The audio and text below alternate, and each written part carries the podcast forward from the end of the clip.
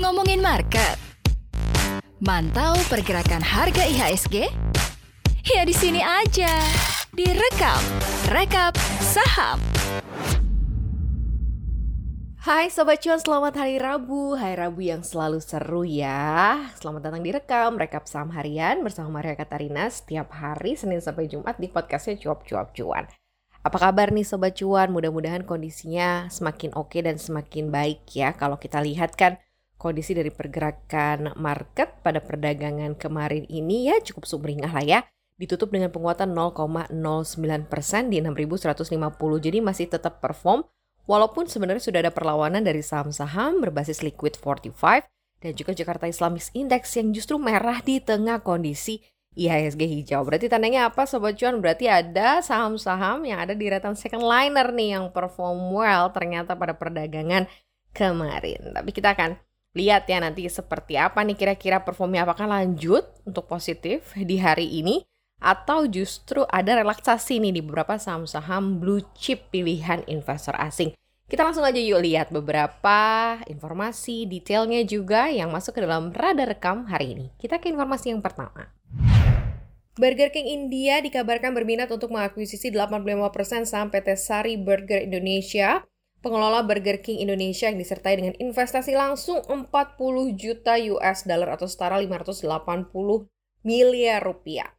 Melansir bisnis standar Burger King Asia ini menerima penawaran akuisisi dari FNB Asia Ventures Singapura yang memiliki 65,79% saham di Burger King Indonesia dan adapun pemegang saham utama dari Burger King Indonesia ini adalah PT Mitra Adi Perkasa Tbk atau MAPI. Nah, penawaran yang ditawarkan ini adalah untuk memiliki saham mayoritas di Sari Burger Indonesia disertai dengan investasi langsung di mana saat ini Sari Burger Indonesia diperkirakan memiliki valuasi 183 juta US dollar atau 2,63 triliun rupiah. Selanjutnya, Burger King India dan FNB Asia akan melakukan uji tuntas due diligence memulai negosiasi mengenai transaksi tersebut dengan menunjuk penasehat dan perantara yang relevan, di mana Burger King India disebut juga akan mempertimbangkan dan menegosiasikan berbagai opsi yang tersedia untuk mendanai transaksi tersebut. Untuk diketahui, MAPI memiliki saham Sari Burger Indonesia sebesar 99,99%, di mana perusahaan ini mulai beroperasi di Indonesia pada 2007 dan saat ini memiliki lebih dari 170 restoran di seluruh Indonesia. Kira-kira bakal tertarik nggak ya untuk bisa mengakumulasi cuannya MAPI? Sobat cuan kira-kira seperti apa nih? Side effect-nya seperti apa ya nanti dampaknya terhadap kinerja kita tunggu aja. Kita ke info selanjutnya. Nah, Sobat Cuan ingat PT Indo Retail Makmur International TBK di net kan yang kemarin naik harga sahamnya tuh mm, drastis banget, tinggi banget ya. Ini saat ini nih, perusahaan ini mulai melakukan diversifikasi usaha dengan masuk ke bisnis di sektor telekomunikasi. Di mana unit usaha yang tergabung dalam grup Salim ini punya bisnis utama di bidang retail modern, mulai mengembangkan bisnis jaringan serat optik.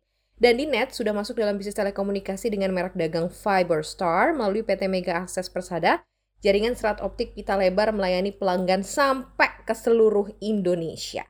Selain itu nih, Dinet juga menyampaikan saat ini jumlah sambungan pelanggan atau home base per akhir Desember 2020 mencapai 656 ribu dengan ARPU sebesar 168 ribu rupiah untuk layanan residensial dan 7 juta 136 ribu untuk layanan korporasi. Jadi ada yang uh, residen, ada yang korporasi. Nah, pandemi COVID-19 ini mendorong permintaan juga semakin tinggi khususnya dari pelanggan korporasi dan juga residensial.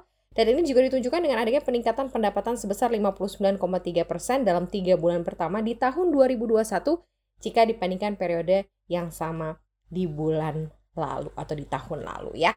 Wuh gila nih minat ya. Kemarin sempat melejit dan melesat sekarang ada aksi ekspansi. Jadi nggak diem-diem aja nih. Kira-kira akan seperti apa ya refleksinya terhadap harga saham di net kita tunggu aja nih Sobat Cuan. Kita ke info selanjutnya. Holding Badan Usaha milik negara BUMN sektor pertambangan PT Inalum Persero Main ID memproyeksikan laba bersih perusahaan di akhir tahun bisa mencapai kisaran 8,5 sampai 9 triliun rupiah. Di mana proyeksi ini diterapkan atau ditetapkan dengan mempertimbangkan kondisi harga komoditas yang sedang tinggi. Direktur Utama Main ID Orias Petrus Mudah mengatakan bahwa prediksi ini cukup konservatif ya, mengingat hingga Juli saja berdasarkan perhitungan internal laba bersih yang sudah dicapai senilai 6,2 triliun rupiah. Namun demikian, target ini bisa dicapai dengan catatan bahwa tingkat produksi dan harga komoditas tetap berada dalam kondisi seperti saat ini.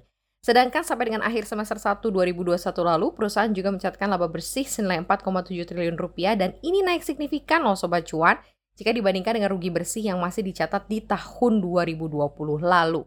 Kinerja yang membaik ini ditopang oleh produksi dan juga penjualan secara grup yang optimal, lalu implementasi keuangan dalam menjaga tingkat likuiditas serta membaiknya harga komoditas secara global. Pada periode tersebut, perusahaan pun juga mencatatkan pendapatan selain 39,2 triliun rupiah atau tumbuh 34% persen dari posisi sebelumnya di semester 1 2020. Orias juga menyebutkan hingga akhir tahun ini perusahaan akan meneruskan program kerja yang telah ditetapkan dan berfokus pada mendorong tingkat produksi, optimalisasi sinergi grup, dan juga percepatan program investasi serta menjaga likuiditas. Berarti cukup kecipratan ya, ada Antam, kemudian juga ada beberapa part of Inalum yang cukup memberikan kontribusi baik nih terhadap holding BUMN-nya. Oke, kita ke info selanjutnya.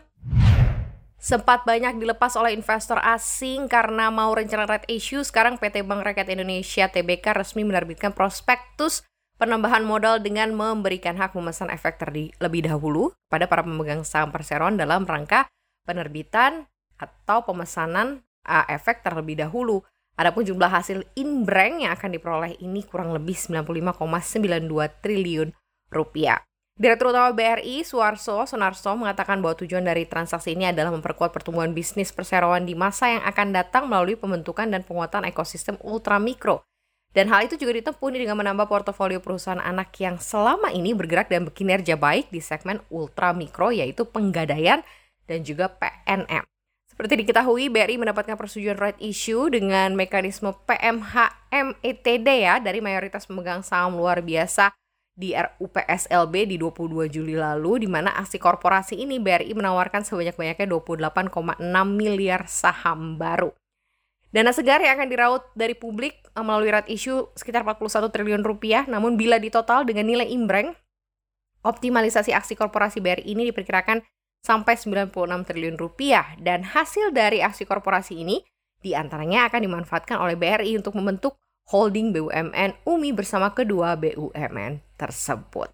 Nah, kira-kira akan seperti apa ya efek berkelanjutannya nih dengan rencana right issue jadwalnya sudah dicatat ya bahwa uh, untuk right issue BRI ini di tanggal efektif pernyataan pendaftaran di OJK 30 Agustus 2021 dan tanggal pencatatan atau recording date-nya adalah 9 September 2021. Nah, ini ada detailnya banget yang bisa dibaca nih Sobat Cuan di www.cnbcindonesia.com. Segitu aja informasi pada pagi hari ini direkam, rekap saham harian. Sebelum Sobat Cuan bertransaksi saham, jangan lupa ya Sobat Cuan, pokoknya hari ini harus selalu optimis, mudah-mudahan masih ada hijau berkelanjutan seperti yang terjadi pada perdagangan kemarin. Dengerin kita terus di Spotify, Apple Podcast, dan juga Google Podcast. Jangan lupa untuk follow akun Instagram kita di @cuap underscore cuan. Pastinya subscribe juga YouTube channel kita di cuap cuap cuan. Thank you banget Sobat Cuan udah dengerin Maria Ngoceh pada pagi hari ini ya.